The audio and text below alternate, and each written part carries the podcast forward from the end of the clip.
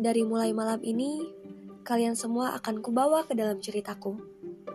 Atau nanti kalianlah yang akan menjadi tokoh utamanya di sini.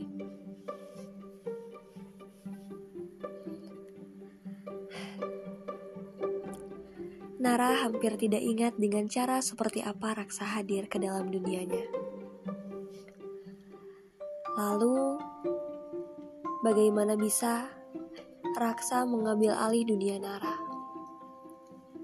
Yang Nara ingat hanyalah Raksa hadir ketika seluruh dunia terlalu mengecewakan bagi Nara. Nara kehilangan rumah yang sedari kecil ia tinggali. Nara kehilangan cinta pertamanya dan Nara kehilangan sosok bidadarinya. Setelah perceraian kedua orang tua Nara, Nara menjadi gadis yang sangat menutup diri dari sekitar. Nara tidak suka bermain bersama siapa pun. Ia lebih suka menghabiskan waktunya dengan menulis atau hanya sekedar mendengarkan musik di tempat sepi. Begitulah Nara empat tahun lalu. Sebelum Raksa mengubah semuanya. Empat tahun lalu. Raksa sengaja menghampiri anak perempuan yang termenung di bawah pohon sembari membaca buku. Kamu Nara. Anak perempuan itu hanya melihat sekilas ke arah Raksa, lalu melanjutkan kegiatan membaca bukunya. Raksa langsung duduk begitu saja tanpa ada persetujuan dari Nara. Malam. Aku adalah bintang yang bersinar di bawah sendiri. Dan selalu seperti ini. Menerangi jiwa yang rapuh, menghapus sunyi dengan bunyi-bunyi mimpi. Satu yang kupegang erat. Kuharap warna yang kuberikan terlukis indah pada diriku raksa. Nara mendengarkan dengan seksama apa yang rasa katakan. Lalu Nara berhasil membuat Raksa terkejut karena balasannya. Malam itu serupa kamu. Kadang indah bertabur bintang, namun tak jarang dihias gemuruh yang kelam. Kak, kamu bisa ngomong juga, Ra? Bisa, Nara bisa ngomong. Baiklah, karena kamu bisa ngomong, perkenalkan. Aku Raksa Reza Nugraha, laki-laki yang akan membuat kamu tersenyum selalu. Aku Nara. Raksa sih udah tahu. Jika seandainya hari itu tidak pernah ada, Mungkin saat ini Nara akan tetap menjadi Nara yang dulu.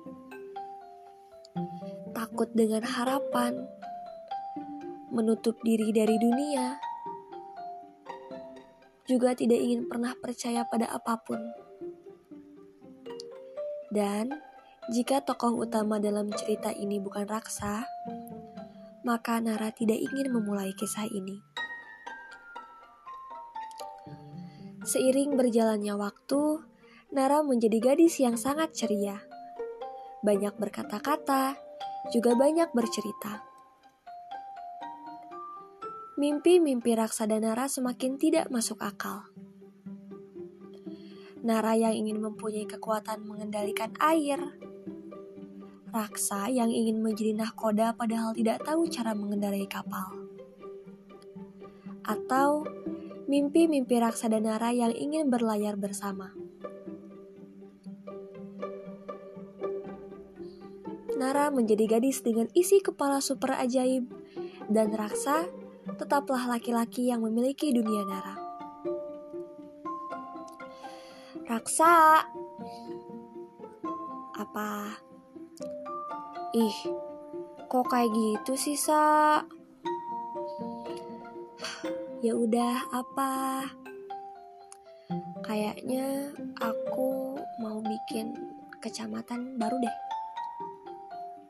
kecamatan Iya, kecamatan, Sa. Maksudnya gimana? Raksa nggak ngerti.